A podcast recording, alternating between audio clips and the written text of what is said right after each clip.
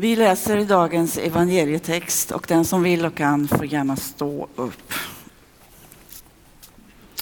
Och jag läser ifrån Johannes 15 där det står så här. Detta har jag sagt er, säger Jesus, för att min glädje ska vara i er och er glädje bli fullkomlig. Mitt bud är detta, att ni ska älska varandra så som jag har älskat er. Ingen har större kärlek än den som ger sitt liv för sina vänner. Ni är mina vänner om ni gör vad jag befaller er. Jag kallar er inte längre tjänare, ty en tjänare vet inte vad hans herre gör. Jag kallar er vänner, därför att jag har låtit er veta allt vad jag har hört av min fader. Och ni har inte utvalt mig, utan jag har utvalt er och bestämt er till att gå ut i världen och bära frukt, frukt som består. Och då ska Fadern ge er vad ni än ber honom om i mitt namn. Detta befaller jag er, att ni ska älska varandra. Amen. Varsågoda och sitt.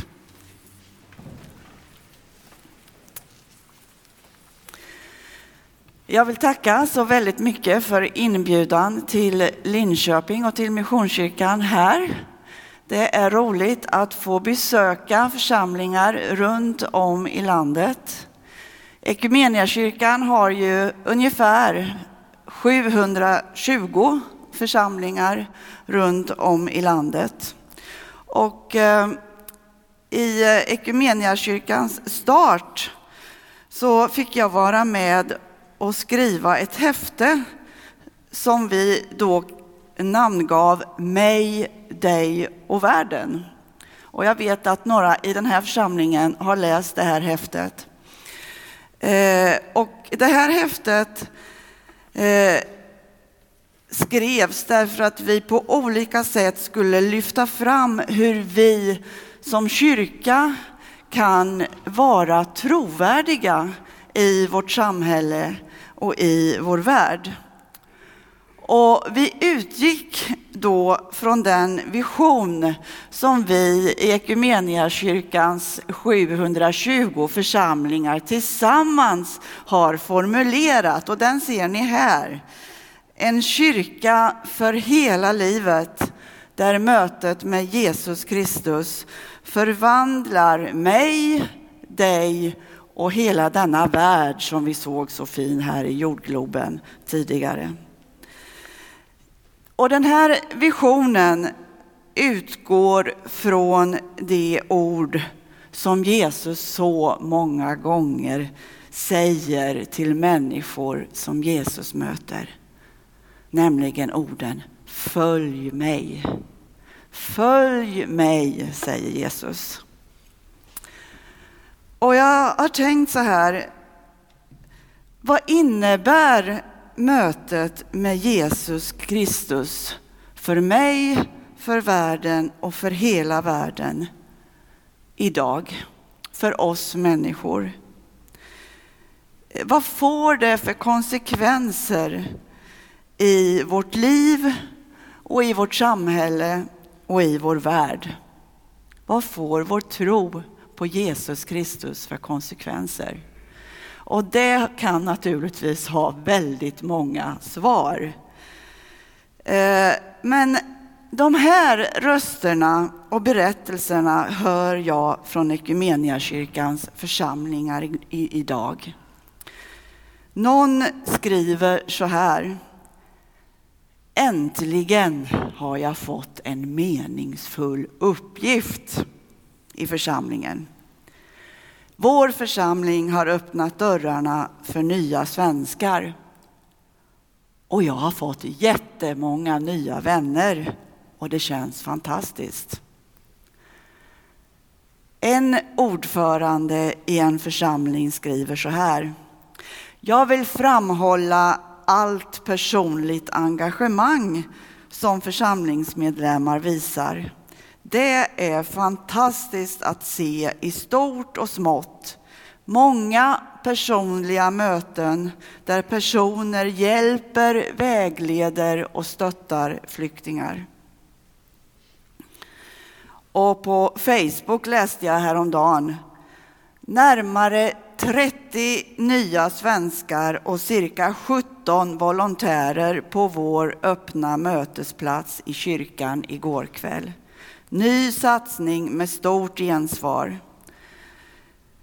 Vi erbjuder olika teman, idrottshall, spela spel, sjunga, läxhjälp eller bara fika och träna språket. Och vi har kul! Församlingen har fått ny energi. Och en annan församling skriver om integrationsglädje. Språkcaféet är en Guds gåva till församlingen. Att få möta de asylsökande, det är tro i praktiken. Att leva ut kärleksbudskapet så gott man kan. Och ytterligare en församling.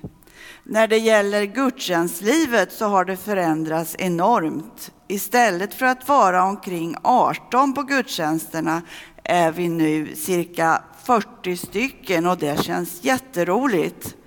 Det var tufft i början. Svenskarna tyckte att det blev lite surriga möten med både engelska och svenska och därav långa gudstjänster. Och några av de asylsökande tyckte att vi hade torra och händelselösa gudstjänster. Men nu tycker jag att vi ändå har landat och vi är som en stor familj. Och flera församlingar rapporterar om att nya svenskar kommit till tro, fått undervisning i kristen tro och församlingen blivit döpta och församlingen växer. Och någon säger så här. Det blir aldrig större än så här. Än när allt brister, tårarna rinner och Guds kärlek får flöda. Och idag har två vänner tagit emot Jesus. En kyrka för hela livet där mötet med Jesus Kristus förvandlar mig, dig och hela världen.